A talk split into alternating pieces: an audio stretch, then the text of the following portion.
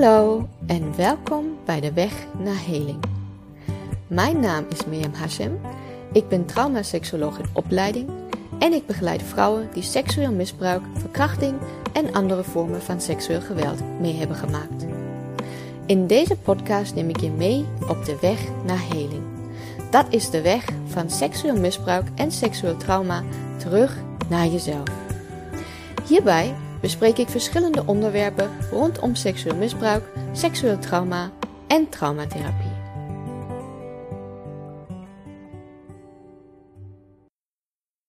Vandaag wil ik ingaan op een thema dat bij alle overlevers van seksueel misbruik speelt. En dat zijn de krachten van verdringing en bewustwording. Wanneer je uh, seksueel geweld ervaart, seksueel misbruik ervaart, dan ontstaan als gevolg van het misbruik twee krachten. Dus aan de ene kant de kracht van verdringing en aan de andere kant de kracht van bewustwording. De kracht van verdringing is een beschermende kracht en deze kracht wil het misbruik zo snel mogelijk vergeten. Het misbruik moet weg, het moet niet herinnerd worden, het moet vooral niet tot last worden in het dagelijkse leven. Het is toch al gebeurd, je kan er niks meer aan doen, dus uh, wegstoppen en vergeten en doorgaan met het leven. Dat is wat de kracht van verdringing wil. En zij wil dat om jou te beschermen. Tegenover de kracht van de verdringing staat de kracht van de bewustwording. En het doel van deze kracht is om um, erkenning te krijgen voor wat er is gebeurd en om het trauma te helen. Dus deze kracht streeft naar erkenning en heling.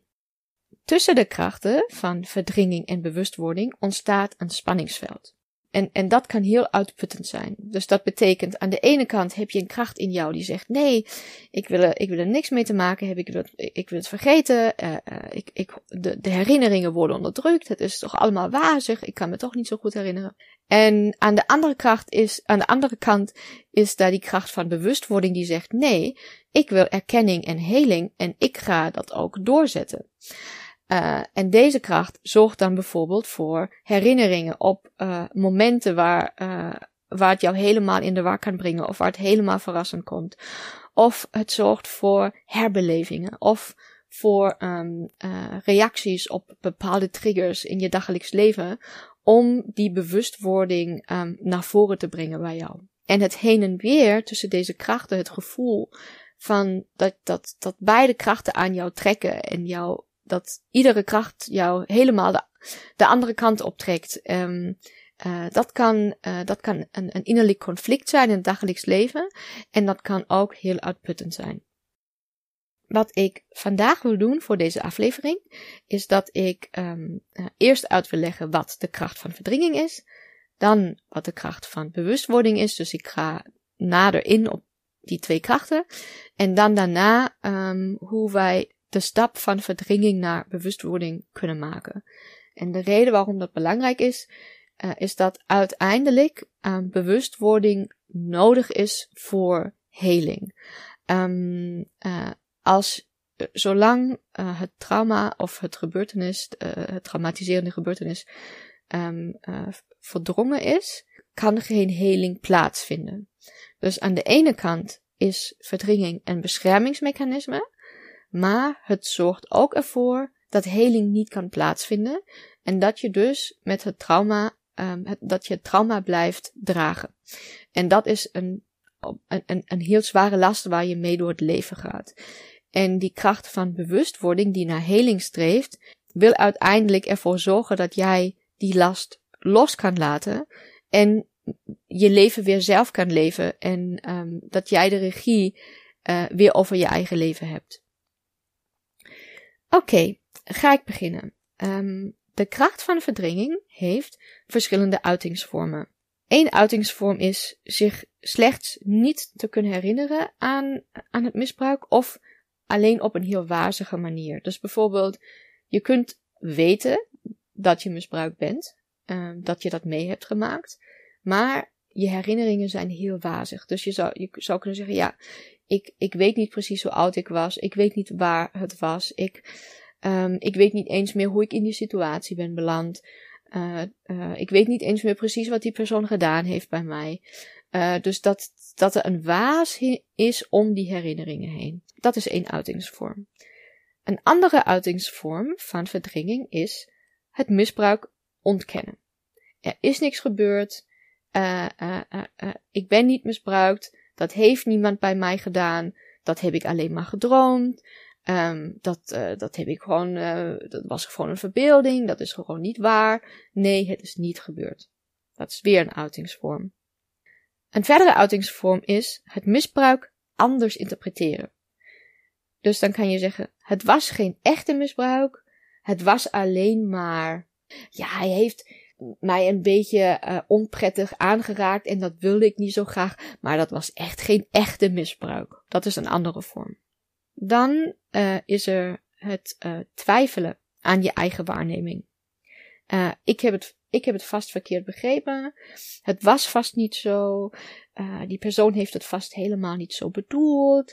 Die, die wilde dat helemaal niet doen. Um, uh, ja, ik heb dat allemaal een beetje verkeerd begrepen. En um, ja, dus dat, dat, dat is vast ergens een probleem bij mij.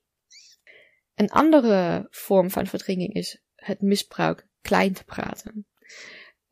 het was vast niet zo erg.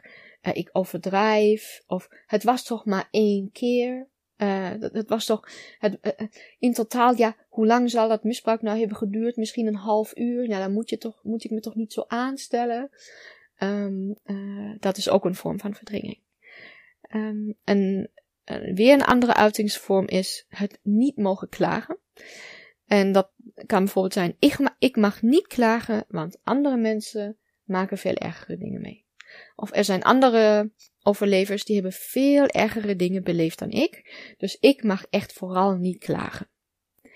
En direct uh, op dat idee van niet mogen klagen, volgt dan ook vaak een vorm van dankbaarheid. En dat is, ik moet toch dankbaar zijn dat ik maar één keer ben verkracht, want er zijn andere vrouwen die zijn tien keer verkracht.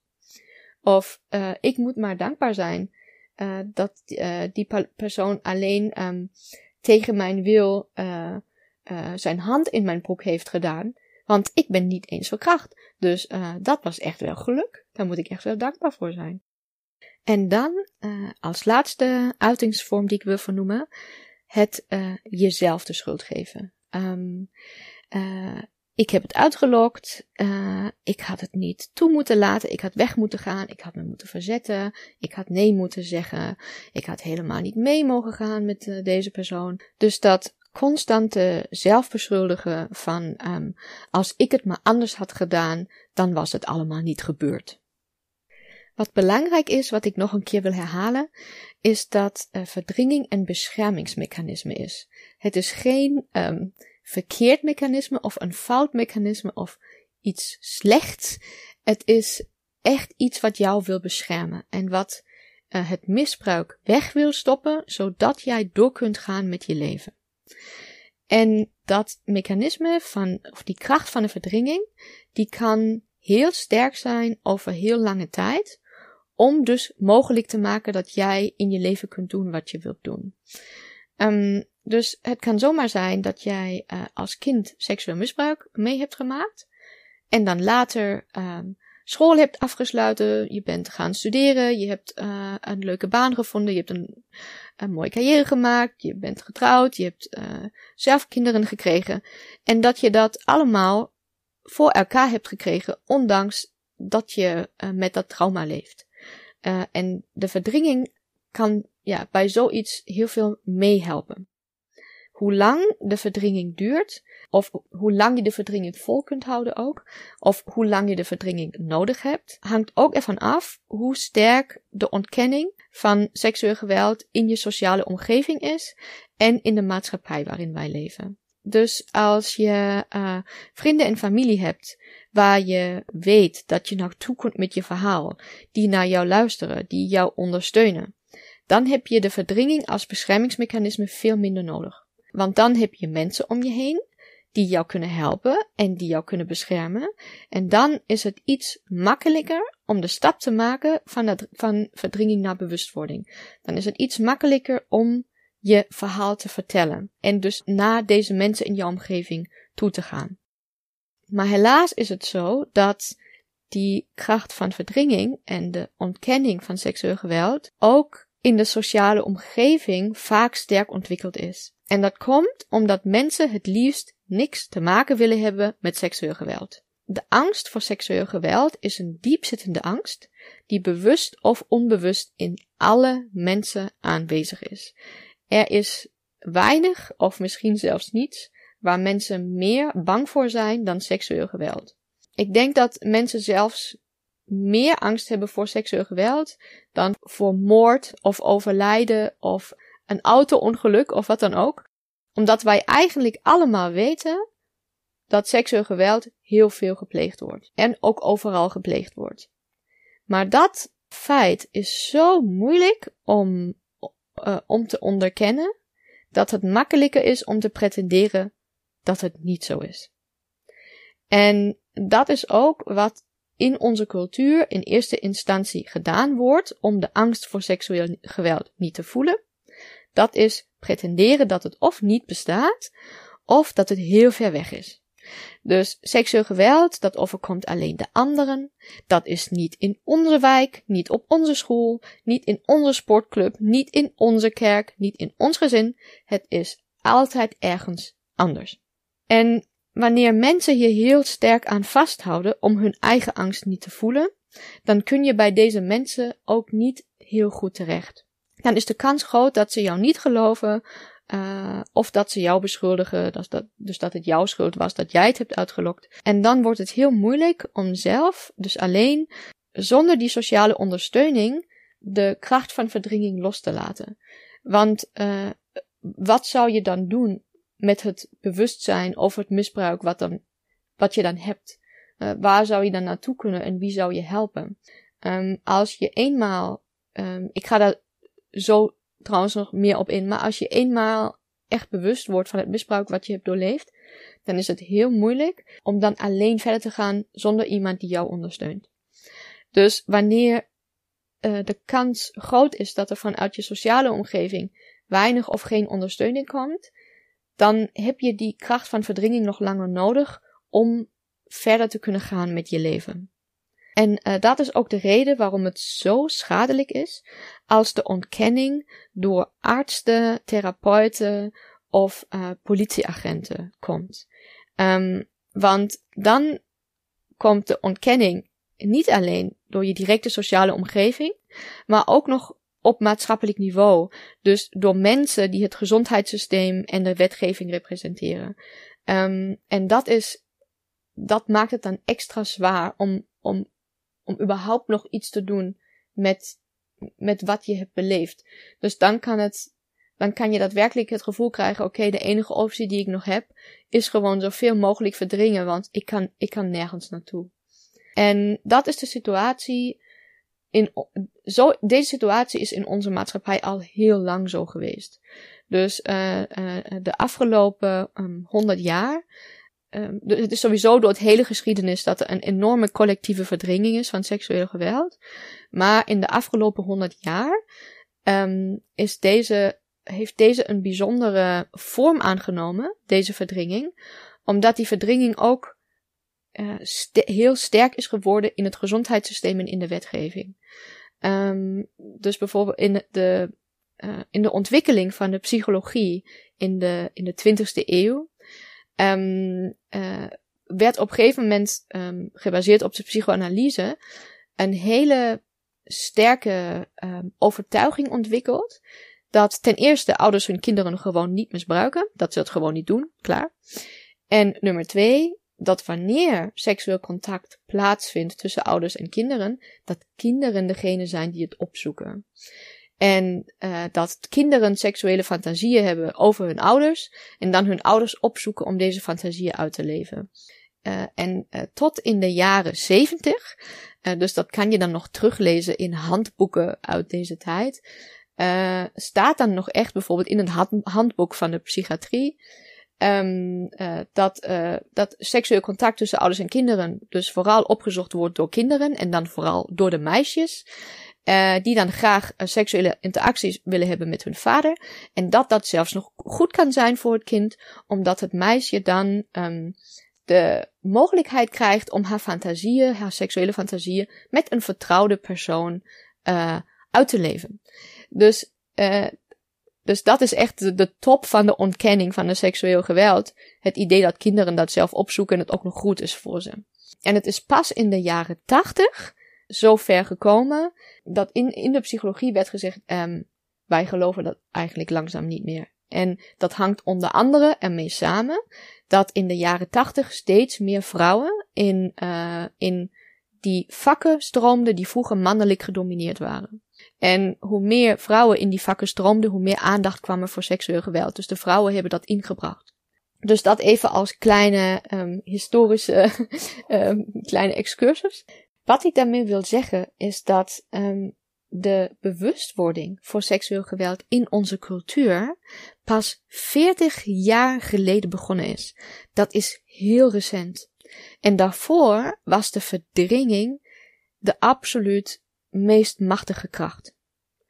Dus als jij vroeger geboren bent dan de jaren 80, dan heb jij nog veel meer verdringing nodig gehad om te overleven dan iemand die in de jaren 80 of na de jaren 80 geboren is.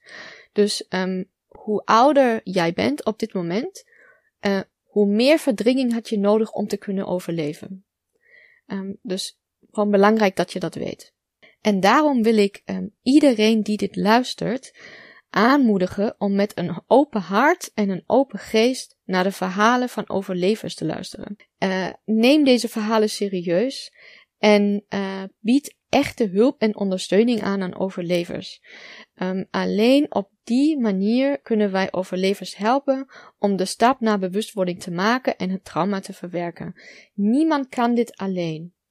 En um, het verwerken van seksueel geweld of van seksueel trauma is niet alleen iets wat jij als overlever uh, uh, moet doen, maar wat wij als maatschappij allemaal moeten doen. En in mijn mening hebben wij allemaal als maatschappij, als, uh, als mensen die in een maatschappij leven, een verantwoordelijkheid om onze bijdrage te leveren aan die, zowel aan het ondersteunen van de overlevers, als aan de collectieve verwerking van het trauma. Oké, dan uh, wil ik graag uh, in, nader ingaan op de kracht van bewustwording. De kracht van bewustwording is, staat dus tegenover de kracht van verdringing en streeft naar erkenning en heling van het trauma. En die kracht is net zo constant aanwezig als de kracht van verdringing en zoekt altijd een weg om naar voren te komen. En dit continue streven kan best wel een last zijn in je dagelijkse leven. En dat vooral als er triggers op je afkomen. Dus dan ruik je ineens een bepaalde geur en word je helemaal misselijk. Um, um, je zit um, lekker op je werk, je bent bezig met iets, het gaat allemaal goed. En ineens loopt een collega langs die jou herinnert aan de dader. Je gaat helemaal bevriezen, je bent in de war en je kunt even misschien uh, één of twee uur niet meer doorgaan met je werk. Je hoort een bepaald geluid en ineens begint je hoofd pijn te doen.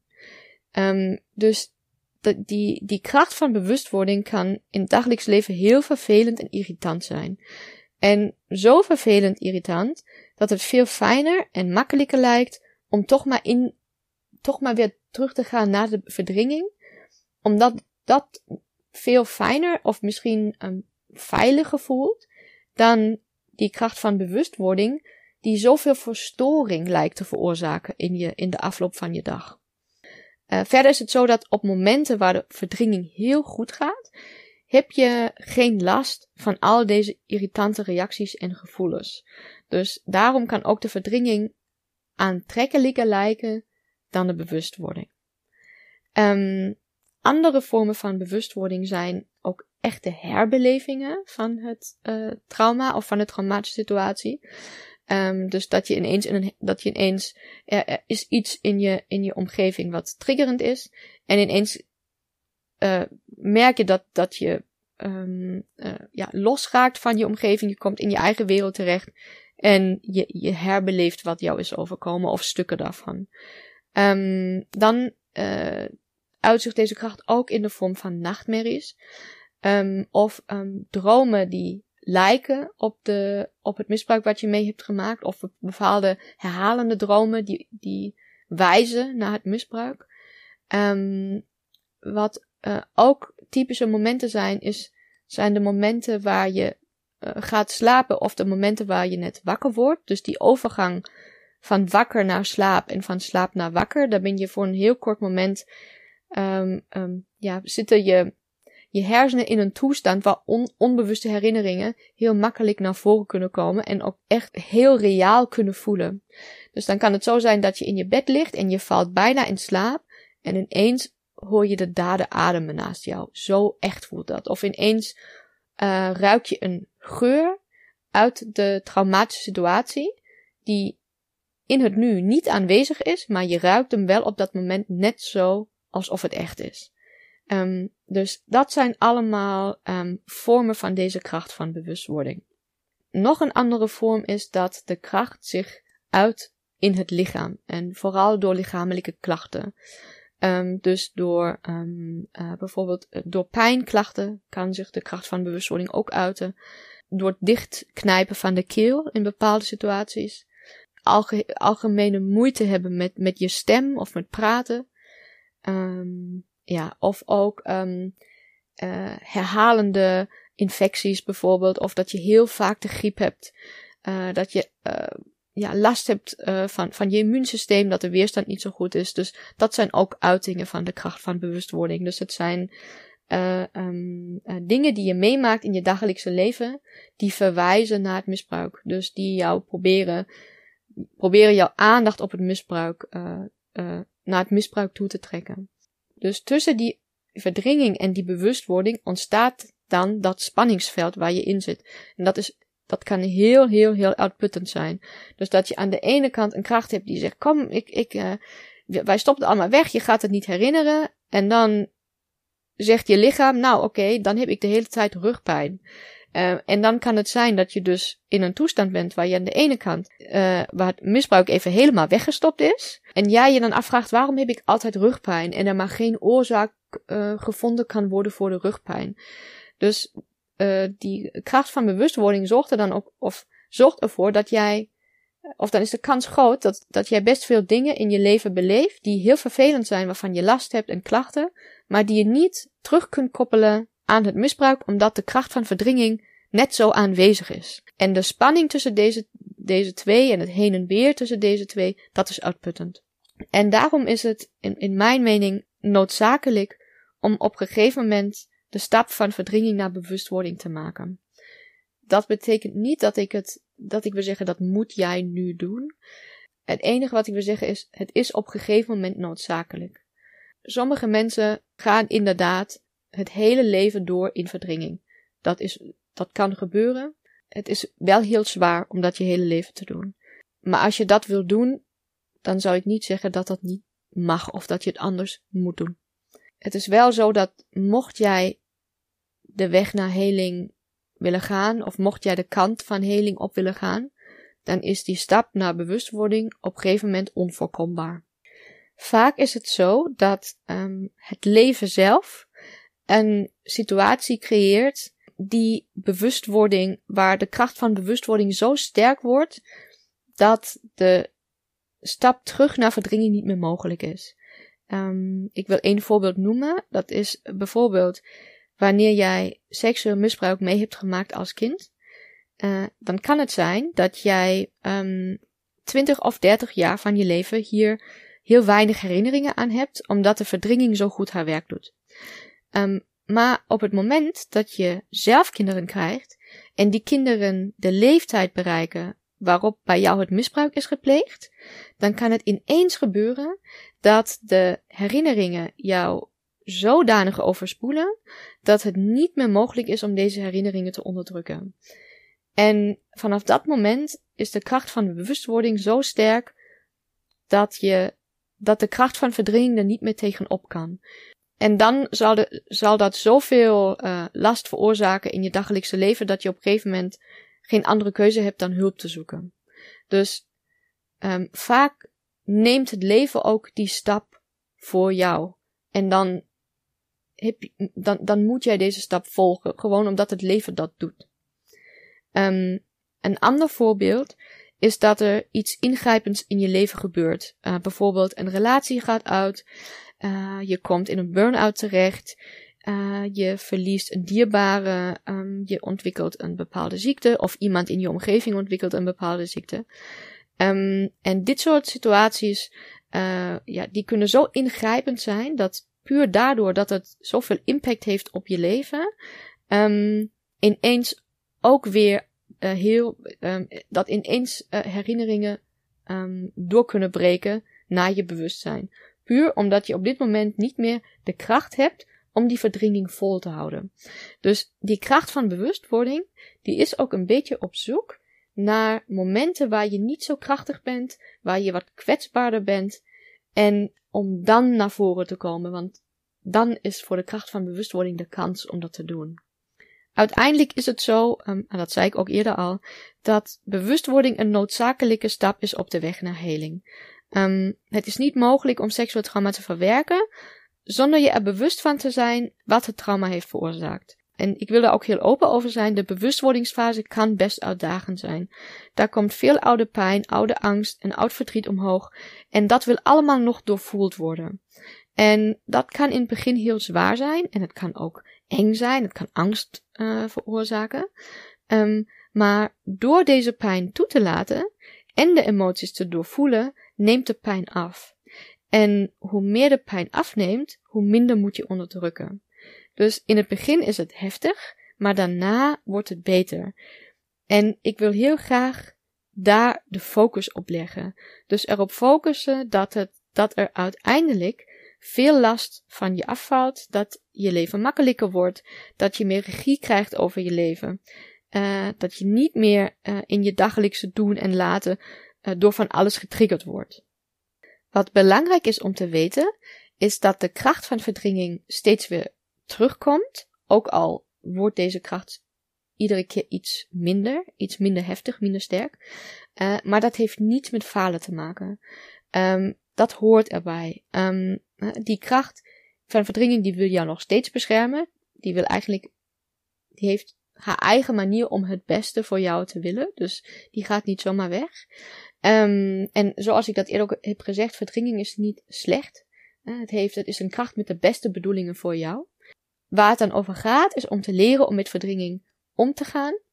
En steeds weer opnieuw voor bewustwording te kiezen.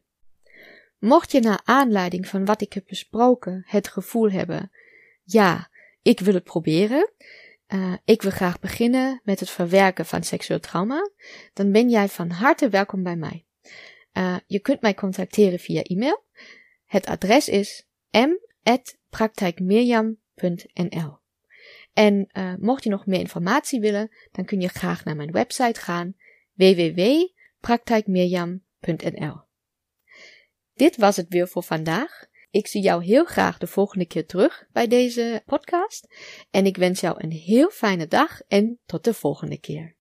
Ik wil jou van harte bedanken dat jij vandaag hier bent geweest bij deze podcast. Als deze podcast jou geholpen heeft of geïnspireerd heeft, laat het mij dan vooral weten via Instagram of LinkedIn. En tot slot, deel deze podcast met andere overlevers en geef mij wat sterren want daardoor wordt de podcast zichtbaar voor andere mensen. Hartelijk bedankt en tot de volgende keer.